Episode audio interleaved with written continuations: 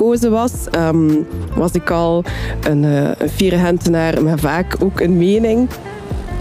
Mijn taak zal zijn om jongeren voldoende de ruimte te geven om hun ding te doen, hè, maar het zal hun jaar zijn. Ik ben jong, je hebt een migratieachtergrond. Ik ben geen dochter van een politicus, ik ben dochter van een gastarbeider. Het is ook zoals schepen. Um, heb je weinig grip op je eigen agenda. En ik geloofde dat echt niet. Ik dacht van, dat is, er is iets mis met dat taalprogramma of zo. Want ik zat in mijn pyjama. Ik was niet van plan om zo naar buiten te gaan. Stoppen me op de hufters te staan misschien.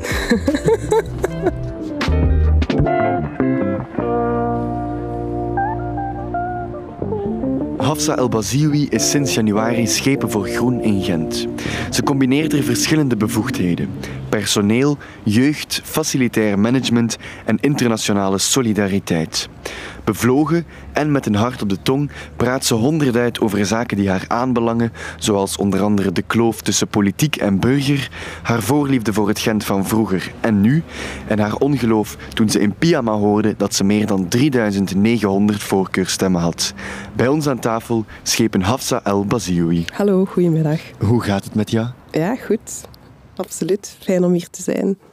Je bent de gast in vier steden. Ben je een vier schepen? Ik ben vooral een vierde Gentenaar. Ik ben uh, in Gent geboren, getogen. Ik heb hier gestudeerd. Ik heb hier mijn lief uh, leren kennen. ben hier mama geworden. En inderdaad nu ook al enkele maanden schepen. Maar ik ben uh, vooral fier op um, iedereen die Gent ook heeft gemaakt tot hoe we Gent vandaag kennen. Dus vooral fier op al die mensen op wie we verder kunnen bouwen aan de stad. Ja, je bent schepen van personeel, jeugd, internationale solidariteit en facilitair management. Dat is een, eh, een hele boterham. Hoe rijm je al die bevoegdheden met elkaar? Ja, ik krijg die vraag bijna dagelijks, maar uh, ik werk heel graag. Voor mij is schepen zijn niet zo een opgave, uh, maar ik ben inderdaad niet zo vaak thuis en heel vaak uh, op straat of, of werkbezoeken of aan vergaderingen deelnemen. Maar ik doe dat eigenlijk super graag, dus voor mij voelt dat niet echt als een opgave, maar eigenlijk eerder als een voorrecht om dat te mogen doen in onze stad. Ja, je bent schepen voor groen. Waarom koos je een tijd geleden voor groen? Um, mijn ouders zijn uh, naar Gent gekomen als uh, mijn papa was gastarbeider, uh, komen uit Marokko, uit het Riefgebergte. En eigenlijk um, heb ik dankzij mijn ouders en dankzij ja, hun migratieroute eigenlijk ontdekt hoe de klimaatverandering, um, dat rivieren opdrogen, zoveel jaar geleden al de realiteit was. Dus voor mij was dat eigenlijk de evidentie zelf, maar ook hoe het... Um, ontbreken van een klimaatbeleid ook mensenrechten onder druk zet, ook voor migratiestromen uh, zorgt. Uh, dus eigenlijk ja, was dat voor mij de evidentie zelf om mij aan te sluiten bij een partij die daar, uh, ja, die daar verandering in wil, die dat ook aan de kaak stelt. En helaas zien we elke dag opnieuw hoe meer realiteit dat, dat wordt. Hè. Als we kijken naar de voorbije zomer, hoe dat ook hier droogte echt een issue was in de stad, in Europa, in ons land, uh, dan denk ik van wow, het gaat wel heel snel. En wat we elders hebben gezien zoveel jaar geleden, is gewoon dichterbij aan het komen, ook bij ons. Ja, je werd schepen in, uh, in januari. Dat is niet het gebruikelijke moment om te starten. Hoe komt dat? Klopt. Uh, na de verkiezingen, de lokale verkiezingen in 2018, um, ehm, was er eigenlijk een afspraak tussen um, toen de SPA, nu vooruit, en uh, Groen, omdat we als kartel waren opgekomen om één schepenambt te delen onder twee personen. Um, dus eigenlijk wist ik al drie jaar op voorhand dat ik schepen zou worden. Mm -hmm. En ik ben er eigenlijk wel blij om, omdat ik ja, toch ook heel wat te leren had nog, aan heel wat zaken moest uh, wennen. Ja. En daar dus ook wel de tijd voor heb kunnen nemen. Uh. Ja. Wordt dat vaak gedaan, zo, zo een schepen verdelen over twee, twee mensen? Dat gebeurt niet zo vaak, nee. Er zijn wel regelmatig wissels uh, in de politiek, uh, omdat mensen dan stoppen om een of andere reden, mm -hmm. uh, helaas. Maar dat ze op voorhand weten, dat gebeurt niet zo vaak, nee. Ja. Een van jouw doelstellingen als schepen is om bruggen te bouwen tussen enerzijds de burgers en de gemeenteraad aan de andere kant. Hoe, hoe wil je dat precies doen? Want op zich is zo'n gemeenteraad toch maar een, een saaie bedoeling van volwassenen die ruzie maken. Oh, dat hoor ik niet graag. ik geloof heel erg in, in de democratie, maar vooral mhm. in lokale democratie, in wat er allemaal gebeurt eh, in, in steden. En ik merkte dat voor ik verkozen was, ehm, was ik al een, uh, een hentenaar met vaak ook een mening. Hoe vaak dat ik aan, aan vrienden moest uitleggen, maar ook werd aangesproken op straat waar mensen echt niet weten wat dat een stad allemaal doet, wat dat een stad allemaal te bieden heeft, waar burgers terecht kunnen met vragen, met bezorgdheden, met dromen die ze willen realiseren. Dus het is vooral uit die ervaring dat ik zoiets had van als ik verkozen word, dan wil ik daar echt iets aan bijdragen. Um, en dat is gewoon, ik, ik wil daar ben daar niet beschaamd over om dat toe te geven. Ook gewoon een gigantische opdracht. Ik moet dat vandaag de dag nog altijd doen. Aan burgers uitleggen, maar ook soms aan, aan diensten uitleggen hoe ze toegankelijk kunnen zijn, hoe ze ook meer een deur kunnen opensmijten om ook open te staan voor de feedback die, uh, die burgers hebben. Dus het is eigenlijk een opgave van elke dag. Ja. Toen uh, Elke de Kruijenaar haar mandaat neerlegde, kreeg jij er ook nog jeugd bij. Is dat een, een vergiftigd geschenk om een mandaat te krijgen van een schepen die plots opstapt? Goh, Elke, ik, ik, ik kende Elke al voor ik uh, verkozen was. Mhm. Wij komen eigenlijk heel goed uh, overeen. Um, en jeugd en studenten, ik, ja, dat is eigenlijk een droom voor mij om dat te mogen doen. Ehm, ondanks ik er inderdaad meer werk bij heb, doe ik het heel graag. Uh, en heb ik met elke ook de afspraak gemaakt om dat zo even bevlogen en even gepassioneerd als haar verder te zetten. Uh, Gent is ook een ja, grote studentenstad, heel mhm. veel jongeren in onze stad. Dus uh, ja, er kruipt daar wel tijd in, maar het is ook echt wel een opportuniteit om, om daar iets mee te doen. Ja, hier en daar hoorde je in de wandelgangen dat je er jeugd bij kreeg, omdat de drie andere bevoegdheden niet de meest zware um, zijn. Klopt dat? Integendeel, ik moet zeggen dat ik uh, niet alleen ik versteld sta. Ik ben gestart in januari in volle coronapandemie nog steeds, waar gebouwen, de verluchting van gebouwen, maar ook de impact op teams, op een organisatie als de stad, gigantisch, ja, gigantisch was. Hè. Ook, ook hoe we een vaccinatiecentrum als stad nodig hadden. Hè. Helaas vandaag de dag nog steeds. Um, in de krokusvakantie hadden we dan de oorlog in Oekraïne, waar uitgerekend ook stadspersoneelsleden een heel grote ja. bijdrage in hebben gedaan, maar ook gebouwen weer heel belangrijk werden om opvangcapaciteit te gaan realiseren. Ook internationale solidariteit. Ik wou dat ik daar geen werk in had, maar als ik mhm. zie hoeveel momenten we al hebben nodig gehad om toch wel onrecht dat er wereldwijd gebeurt aan de kaak te stellen, heb ik mij, eh, los van dat ik nu ook schepen- en studentenbeleid opneem, mij echt niet, niet verveeld. Integendeel, eigenlijk zien we crisis na crisis hoe belangrijk dat net die interne bevoegdheden, want het zijn inderdaad interne bevoegdheden, hoe belangrijk dat dat wel is. Ja. Hoe doe je dat persoonlijk om ervoor te zorgen dat je evenveel aandacht aan, aan alle stukjes van je opdracht geeft? Want het is wel heel uiteenlopend, heel ja, verschillend. Inderdaad, mhm. dat is me vallen en opstaan. Mhm. Ja, inderdaad. Ik probeer daarover te waken, maar dat lukt niet. Het is ook zoals schepen. Um, heb je weinig grip op je eigen agenda. Um, gebeurt er iets, ja, dat, dan moet je ingrijpen. En dat, um, dat verbaast me wel. Hoe ik de voorbije maanden, door toch wel de ene crisis na de andere die ons overkomt uh, in, in de wereld, maar dus ook als stad, hoe moeilijk het is om een beetje lange termijn beleid zelf te voeren. Hoe je toch niet altijd moet ageren op een gebeurtenis. Um, maar um, het versnelt ook wel bepaalde zaken, hè, mhm. crisissen. Hoe we nu zien hoe heel het verhaal rond hernieuwbare energie en hoe we mhm. hè, als stad ook in onze gebouwen daar veel meer werk van kunnen maken, zie ik wel dat ondanks alle shizzle die crisissen met zich meebrengen, het ook wel bepaalde transities versnelt in een stad.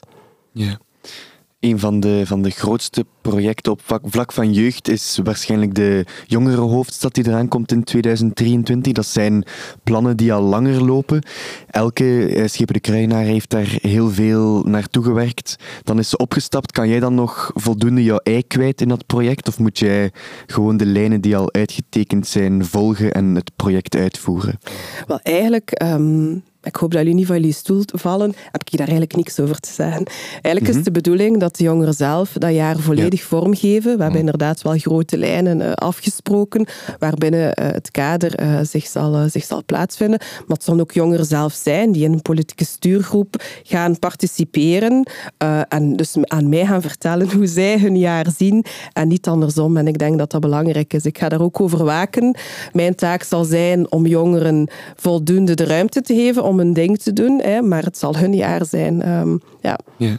Maakt u dat blij als schepen om op die manier een link tussen die burgers en de gemeenteraad te kunnen vormen? Ja, absoluut. Al wil ik daar ook niet naïef in zijn. Hè. Dat zal mhm. ook een opgave zijn, want dan zien we ook wel, uh, ondanks we daar echt op, op inzetten als stad, hoe het ook een issue is om echt alle jongeren te bereiken.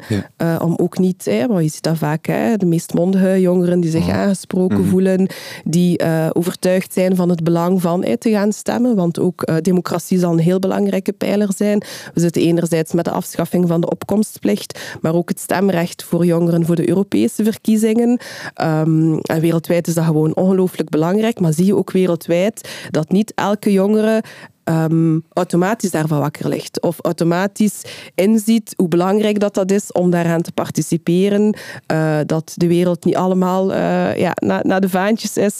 Maar dat er wel nog een heel speelveld ligt van zeggen waar dat je van wakker ligt, uh, de samenleving mee vormgeven. Maar ook in Gent is dat nog een werkpunt.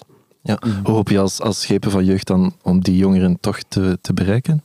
Ja, en te bereiken, maar ook door te vertrekken vanuit een leefwereld. Want als je ziet met bepaalde thema's, ik zeg maar iets urban fest of zo, of urban culture, dat dat wel veel vaker uh, wel iets is waar ze interesse in hebben. Dus ik denk dat we het soms ook moeten omkeren. En als beleidsmaker of als schepen niet denken dat wij alles weten, maar soms ook een keer ons heilig huisje durven uh, verlaten en luisteren naar waar jongeren uh, van wakker liggen. En dat is wel heel wat als je daar de tijd voor neemt om naar hen te luisteren.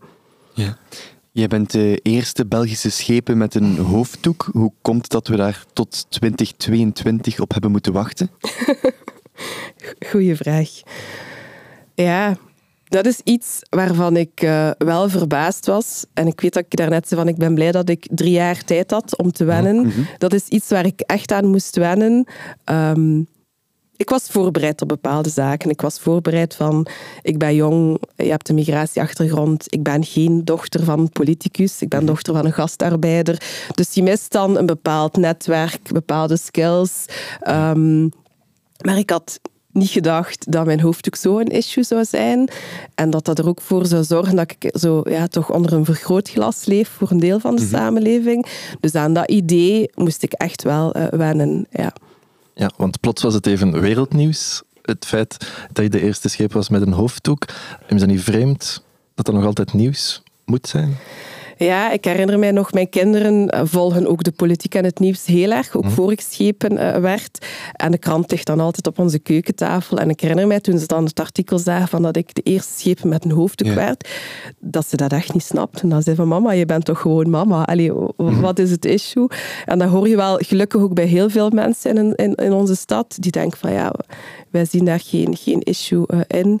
Maar uh, goed, het gegeven dat het voor een deel van de mensen wel nog zo is. Nu, ik maak daar ook geen taboe of zo van. Mhm. Het is zo, ja, ik draag inderdaad een hoofddoek. Maar ik ben altijd fier als ik dan met mensen het gesprek aanga over andere zaken, dat mensen mij ook gewoon als beleidsmaker zien, als iemand die heel toegankelijk is, aanspreekbaar, tegenspreekbaar zelf.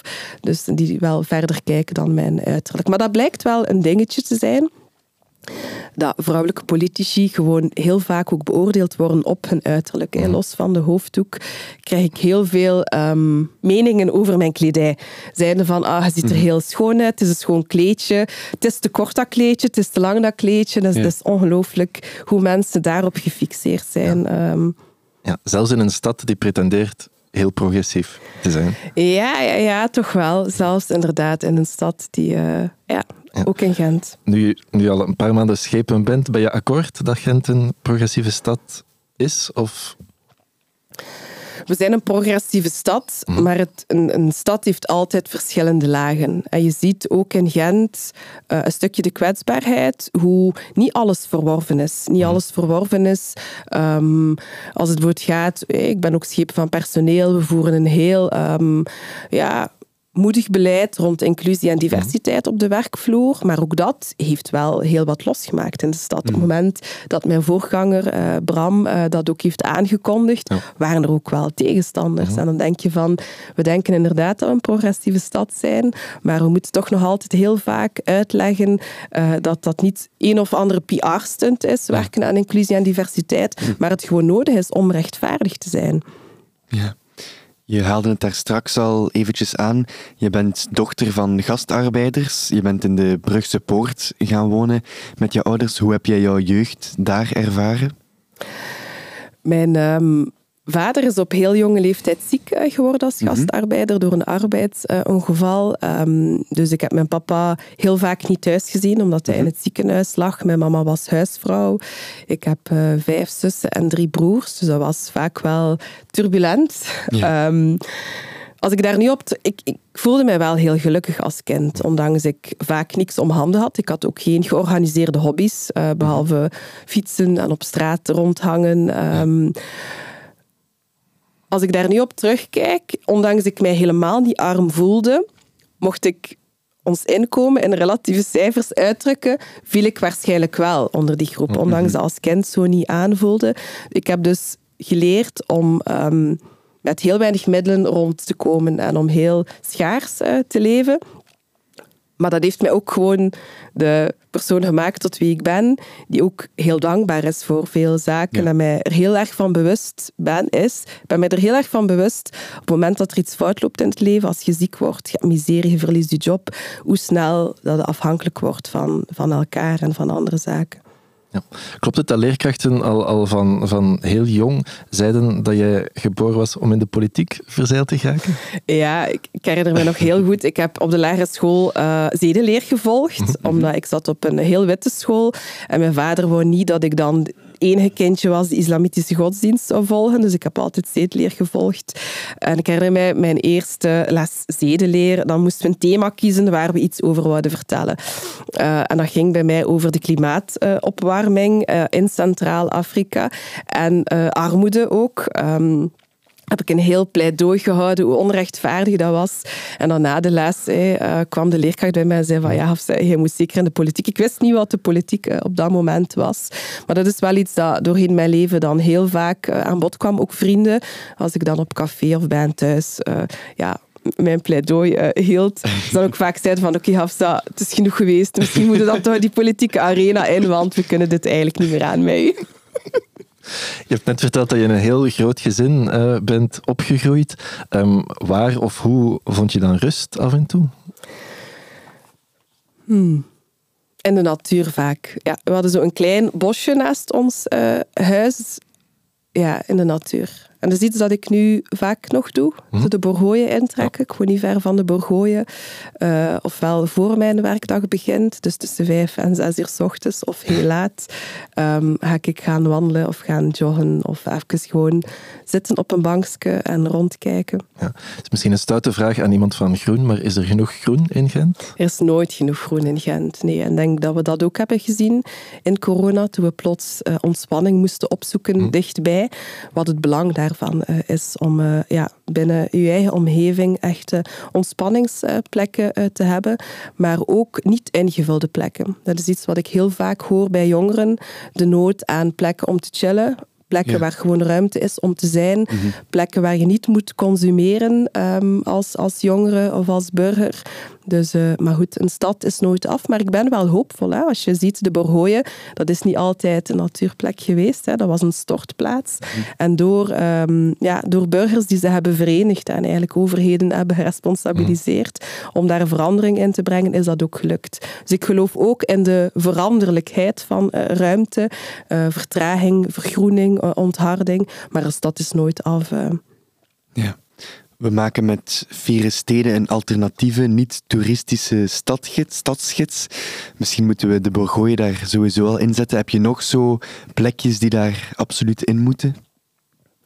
Ik hou heel erg van water. Uh, dus de groendreef is ook uh, ja, een route die ik vaak uh, te voet mm -hmm. dan, dan afleg. Um, ja, ondanks ik heel vaak op straat loop en al 34 ben, ontdek ik wel altijd nieuwe plekjes of ja. hoekjes. ja, of, of ja, ik zei het daarnet ook, als schepen heb je soms zo een intensief tempo van werken, dat soms gewoon op een bankje zitten en rondom je kijken, naar de zonsopgang, naar de zonsondergang, zo een machtig gevoel geeft. Ehm, ja, op een bankje zitten. Op elk bankje zitten in de stad. Misschien moet ik daar eens aan gaan. We gaan nog even terug naar ehm, jouw jeugd. Ehm, heb je als, als kind of jongere vaak last gehad van racisme in Gent? Op dat moment besefte ik dat niet. Um, pas als je dan ouder werd, uh, viel mij dat op dat ik heel vaak heb moeten uitleggen of mij verdedigen dat ik niet zo anders was als anderen um, mm -hmm. altijd aangaven. Um, ja, ik was bijvoorbeeld het enige meisje of het enige kind in de klas die donkere ogen en donker haar had. Dus iedereen was ja. blond en blauwe ogen. In die mate dat op een gegeven moment ik ook dan begon te twijfelen aan mijn uiterlijk. En zoiets had van, ah, ik wil ook blauwe ogen en blond haar, want dan val ik niet meer op. En dan moet ik niet uitleggen hoe dat, dat komt. Uh, maar ook als mijn mama mij dan af en toe kwam ophalen van school, mijn mama droeg traditionele Marokkaanse kledij, moest ik dat ook uitleggen hoe dat, dat komt, dat mijn mama ja. er anders uh, uitzag. Um, dus in die zaken is dat racisme, dat zijn heel um, subtiele zaken mm-hmm. van altijd beklemtonen waarom iemand anders is. En ja, hoe raar is dat niet anders zijn? Uiteindelijk zijn we allemaal onszelf. Ja. En dat is helemaal niet anders, maar heel menselijk. Um, maar ja, op de bus, ja, opmerkingen en op straat, ja, toch wel. Um, ja. Maar je staat er op dat moment niet bij stil. Ja. Hoe, kijk je daar nu naar? Is Gent een, een verdraagzame stad? Hoe ik daar nu naar terugkijk? Um, pas op oudere leeftijd heb ik beseft, door daar met vrienden over te praten en mm-hmm. door daar meer over te lezen, dat dat ook niet toevallig is dat dat gebeurt. Um, en dat we ook daar echt actief aan moeten werken om ze de vele vooroordelen die we allemaal mm-hmm. hebben als mens, om dat een stukje te veranderen. Um, ik dacht, ik had zo de naïeve hoop dat op het moment dat je dan schepen zou worden, bijvoorbeeld in de stad, dat dat zo stopt. Maar eigenlijk is dat niet zo. Allee, als ik nu zie wat mensen mij soms toewensen, omwille van mijn uiterlijkheid ja. of een stukje van mijn identiteit, dan is dat helemaal niet gestopt. Dan um, wou ik dat ik er vanaf kwam met af en toe een racistische opmerking op de bus of in de klas. Um, ja. Heeft dat te maken met het feit dat politiek steeds verhardt? Volgens mij is politiek altijd hard geweest. Um, alleen heb je nu andere manieren waardoor zich dat op een andere manier kanaliseert of zo, zoals in social media. Ja. Maar ik weet, toen ik uh, jong was als kind, mijn mama ondanks ze huisvrouw was, keek ze heel veel nieuws. Hè. Dus morgens, onder de middag, avond, debatprogramma's. Dus ik heb eigenlijk dankzij uh, de nieuwsverslaving van mijn mama uh, leren ook naar politieke programma's mm. en actua-debatten kijken. En dat ging ik er toen ook niet uh, altijd beleefd aan in het Vlaams parlement toen ik acht of negen jaar was. Mm. Maar je hebt nu gewoon zoveel manieren om in contact te treden, ook met politici, via social media, zonder grenzen bijna en zonder afspraken, dat dat soms wel een stukje ontspoort. Uh. Ja. Je was nog niet, uh, nog niet goed en wel aan je mandaat begonnen of er ontstond al een rel met N-VA en Vlaams Belang in de gemeenteraad. Jij zei dat jouw zoon als jongen met een donkerdere huidskleur um, meer kans maakt om in contact te komen met uh, de politie. Is dat een uitspraak die je nu nog eens zou herhalen? Ja, dat houdt mij echt wakker. Mm -hmm. Uh, dat houdt mij echt wakker.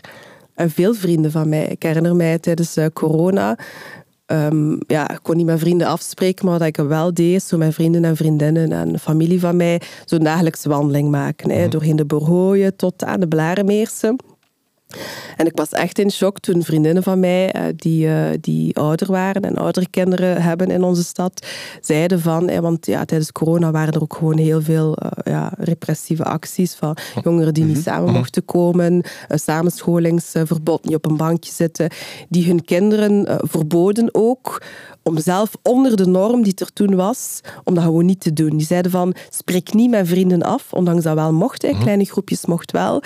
Gewoon omdat ze een andere huidskleur hadden en omdat ze gewoon bang waren van ja, eigenlijk zijn die niet veilig. En eigenlijk moeten zo low profile mogelijk blijven. En ik was er echt door geschrokken om dat te horen van vrienden van mij die hier ook zijn geboren, getogen, mhm. opgegroeid, hier nu kinderen hebben die, die tiener zijn, die 16, 17 zijn. Um, en helaas zijn er wel mensen in onze stad die effectief met die schrik zitten. Um, maar ik weet ondertussen al, als ik die gesprekken, gevoelige gesprekken aanhaal, dat er inderdaad wat weerstand uh, over ontstaat.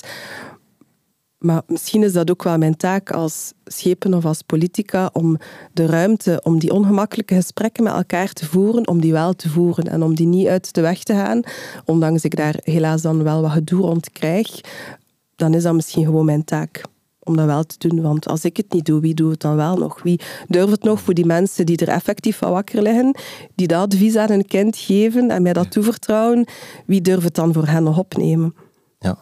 Denk je dat het binnenkort eh, verbetert? Want dat is echt wel um, hard om te zeggen van eh, sommige moeders laten een kinderen die naar buiten gaan uit schrik. Ik denk dat het ongemakkelijk gevoel dat we hebben in die gesprekken, dat dat er een stukje bij hoort. Mhm. Ik bedoel, als je kijkt naar uh, stemrecht, stemrecht voor vrouwen, dat is ook niet uit de lucht gevallen. Hè. Daar was ook... Um, daar waren ook ongemakkelijke gesprekken voor nodig om daartoe te komen en zelf meer. Dus ik denk dat, dat het er gewoon bij hoort. Ja. Maar ik hoop inderdaad dat dat, dat, dat betert. En ik denk dat gewoon het gesprek daarover voeren, gezien dat ook al een beetje een strijd is, mhm. misschien wel een eerste stap is waar we door moeten. Ja. Tijdens de voorbereidingen van dit gesprek kwamen we een uitspraak van jou tegen. Je zei, we zijn veel te lang tolerant geweest voor intolerantie. Wat bedoel je daarmee? Ik was heel erg geschrokken op het moment dat ik um, mijn aanstelling, uh, ja, toen bekend was dat ik schepen zou worden. Um, ik ben dan de dag erna, in de zevende dag, uitgenodigd. Mhm. En ik heb eigenlijk mijn sociale media moeten afsluiten, omdat ik de stroom aan haatberichten niet meer aankon, maar ook echt niet wist van, wow, wat gebeurt daar? Ik werd in duizenden discussies gementiond en getagd en dan ook uh, uitgescholden voor al het vuil uh, dat je maar kunt inbeelden. En toen ik daar dan met sommige collega's die meer ervaring hadden, ook vrouwen, het daarover had, zeiden ze van ja, maar dat, dat hoort er gewoon bij. Hè. Dat hoort erbij. Trekt u dat niet aan, gaat daar gewoon door, moet u dat niet aantrekken. En ik dacht van, hoe fout is dat?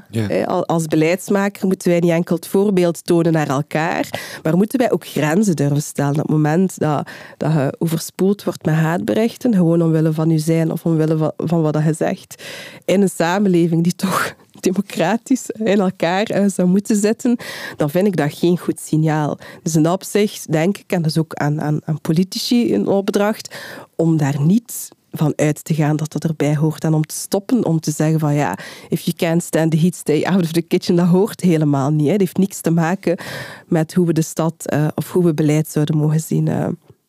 Ja. Wat vinden de collega's politici daarvan? Dat jij dat wil stopzetten? Ze delen dat wel. Uiteindelijk, als je, als je het maar ze spreken het toch niet uit? Nee, nee, nee te weinig. Maar ik, ik vind dat we ook daar ons kwetsbaar mogen durven opstellen, maar ook uit zorg naar de samenleving toe. Mhm. Want welk signaal geven wij als wij zeggen van ja, wij pakken dat hier allemaal binnen en dat doet ons niet?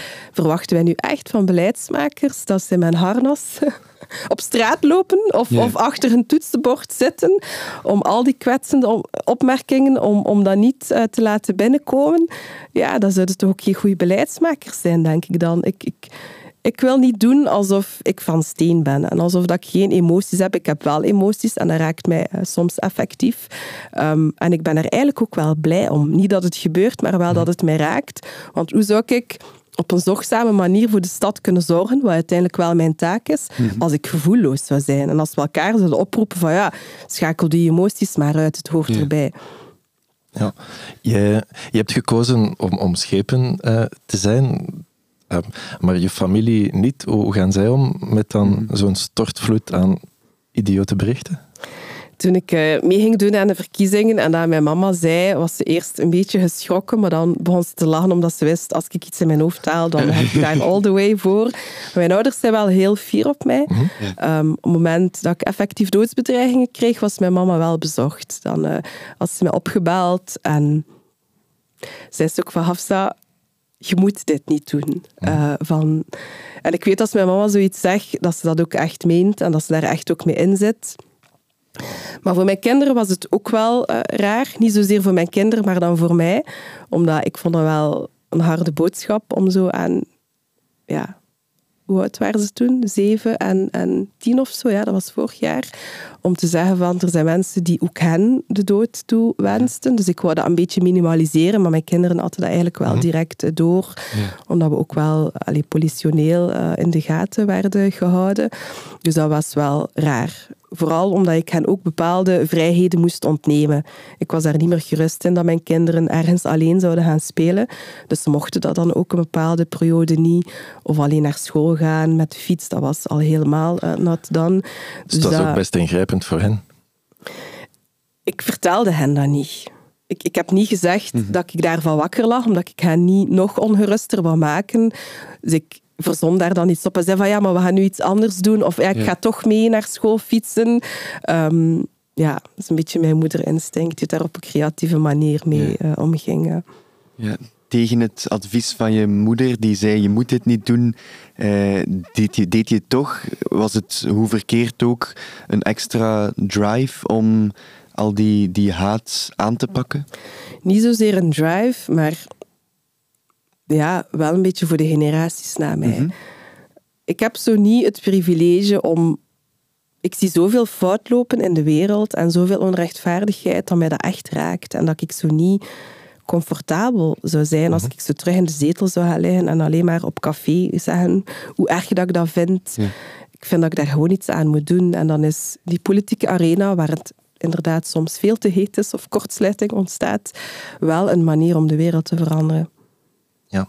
Voel je je gesterkt door de 3981 voorkeurstemmen die je kreeg? Het waren er meer dan Guy Verhofstadt of een Sivid Brakke, toch grote namen? Dat blijft echt crazy. Ik weet, ja, ik had zo niet meegedaan met de verkiezingen met het idee van ik ga verkozen geraken, laat mhm. staan dat ik schepen zou worden. Mhm. Maar ik heb me wel echt rot geamuseerd in de campagne door met zoveel mensen over politiek te praten. Mhm. Ik vind dat we dat veel te weinig doen in Vlaanderen, over politiek praten. Dus ik vond dat echt, ik heb me echt geamuseerd. En die avond dacht ik van oké, ik was aan gaan stemmen. En dacht ik van oké, thuis, mijn drie gasten, ik ga jullie nu een keer tijd geven, ik ga uitgebreid koken. Ik dacht van oké, dat is gedaan. Ik heb dat gedaan, dat is gedaan.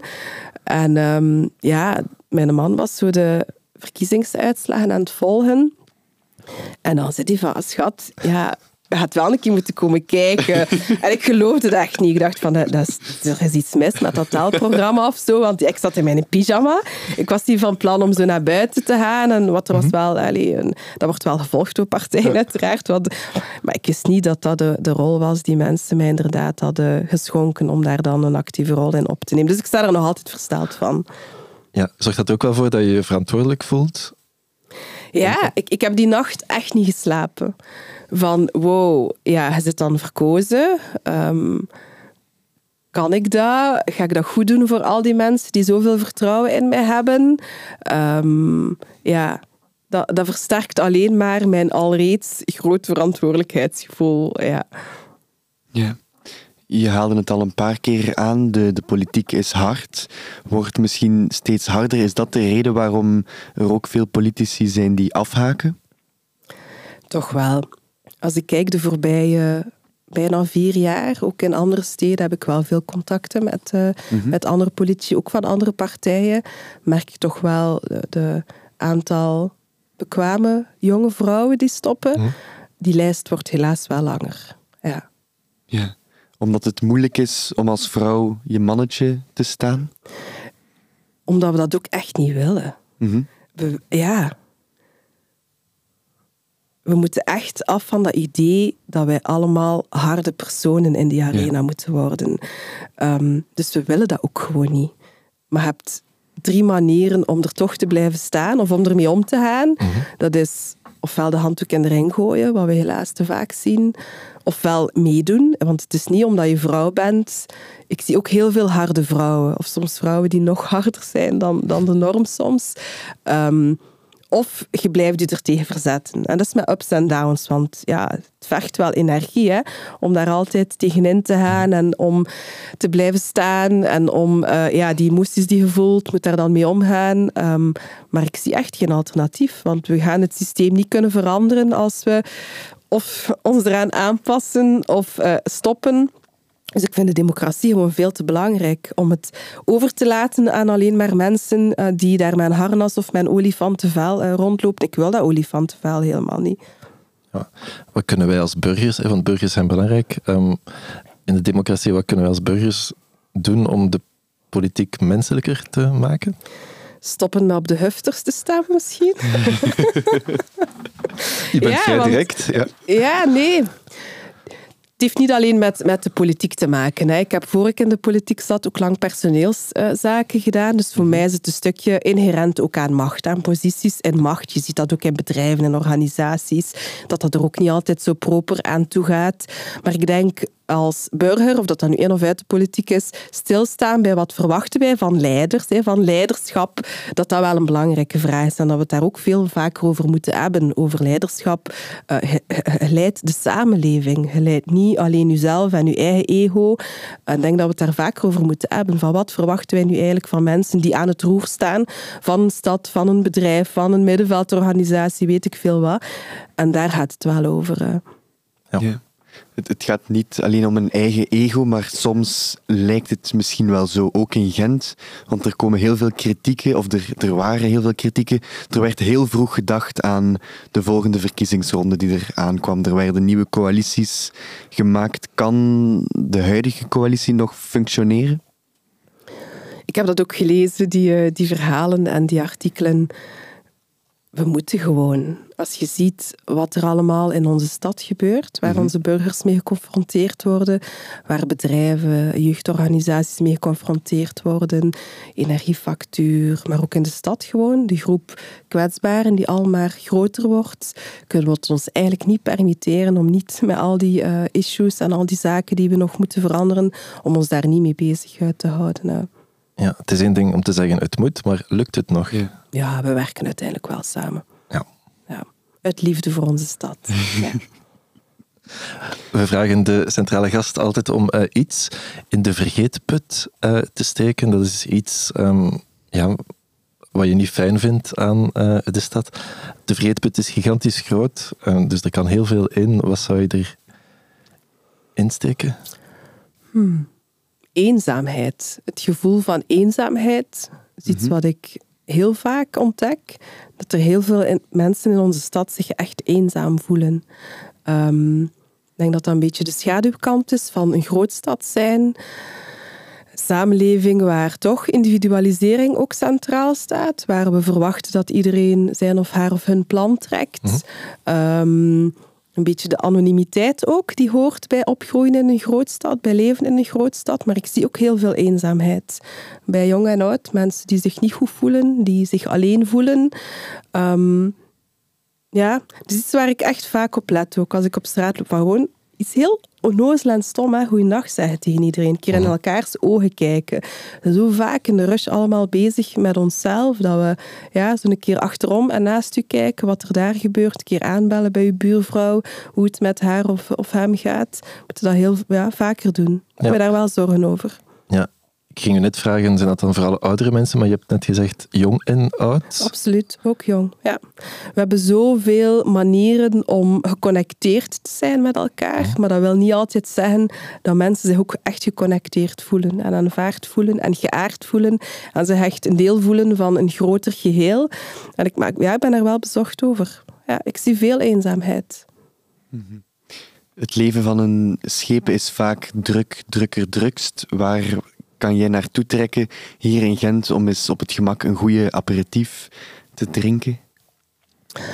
Ik hou heel erg van, uh, ja, ik sta dus heel vroeg op, zoals ik daarnet mm zei, van mijn ochtendcappuccino. Dat lukt niet elke dag, maar ik, ja, we hebben heel goede cappuccino-bars mhm. uh, in onze stad. Dus dat is wel iets dat ik heel vaak doe. Ja. In, een, in een vaste stek? Of? Verschillende, ja. ja. Oké. En ja, heel veel ook rond het stadhuis. Hè. Dat is ongelooflijk. Uh, ja. Mhm. Dus het hoeft niet zo lang te duren. Hè. We vragen ook aan de gast om, om de soundtrack te maken van Gent.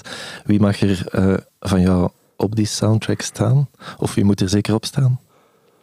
Uh, Fatih de Vos, Negen Dust. Ik weet niet of die er al op staat. Nee. Ja.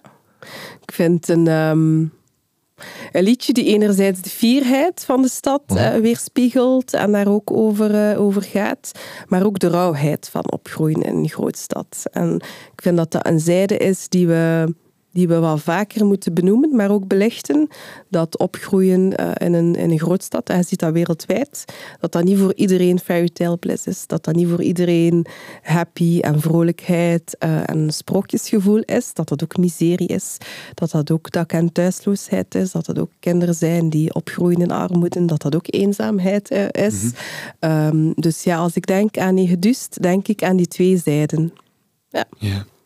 We sluiten onze Vier Steden aflevering altijd af met de vierste strop. Iemand die jij wil nomineren als Gentenaar der Gentenaars. Hmm. Denk aan veel namen. Um, Nina. Nina, maar ik zou haar achternaam... Ik weet zelf niet of ik dat hier heb opgeschreven. Ik kan dat zeker straks opzoeken. Ik had het daarnet over de Oekraïne, de oorlog in Oekraïne. Mm -hmm. Ik herinner me dat nog heel goed. Dat was een krokusvakantie. Uh, en dat was de eerste vakantie dat ik als schepen ging blijven werken. En al mijn collega's in het college zeiden van ah, in de vakantie is dat altijd heel rustig, gaat kunnen doorwerken. Maar plots was er dan die oorlog. Ja. En herinner ik me nog heel goed, stond Nina in mijn bureau. Nina is uh, leerkracht um, NT2, Nederlands tweede taal in Brussel, maar is uh, Gentse. En heeft zich eigenlijk van meteen echt ingezet um, om solidariteitsacties in de stad te centraliseren, mm -hmm. om ook hulp te vragen aan de stad. Ik herinner mij nog dat moment dat ze in mijn bureau uh, stond als schepen van internationale solidariteit en we ook dan een flow hebben afgesproken binnen de stad hoe we met al die hulpvragen omgaan. En we zaten daar gewoon allebei te bletten. te bletten, maar ook zo hoopvol van oké, okay, dat beweegt hier en wij gaan, wij gaan dit doen en wij gaan dat doen en welk nummer. En ze ging dat dan ook vertalen, omdat ze zelf vragen kreeg en dan ook in contact stond met mensen uit Oekraïne. Um, dat is een moment dat ik nooit ga vergeten en af en toe zien wij elkaar uh, nog. We hebben elkaars nummer ook. Dus uh, ja. Schepen Hafsa El Baziwi, ontzettend bedankt voor dit fijne gesprek. Graag gedaan.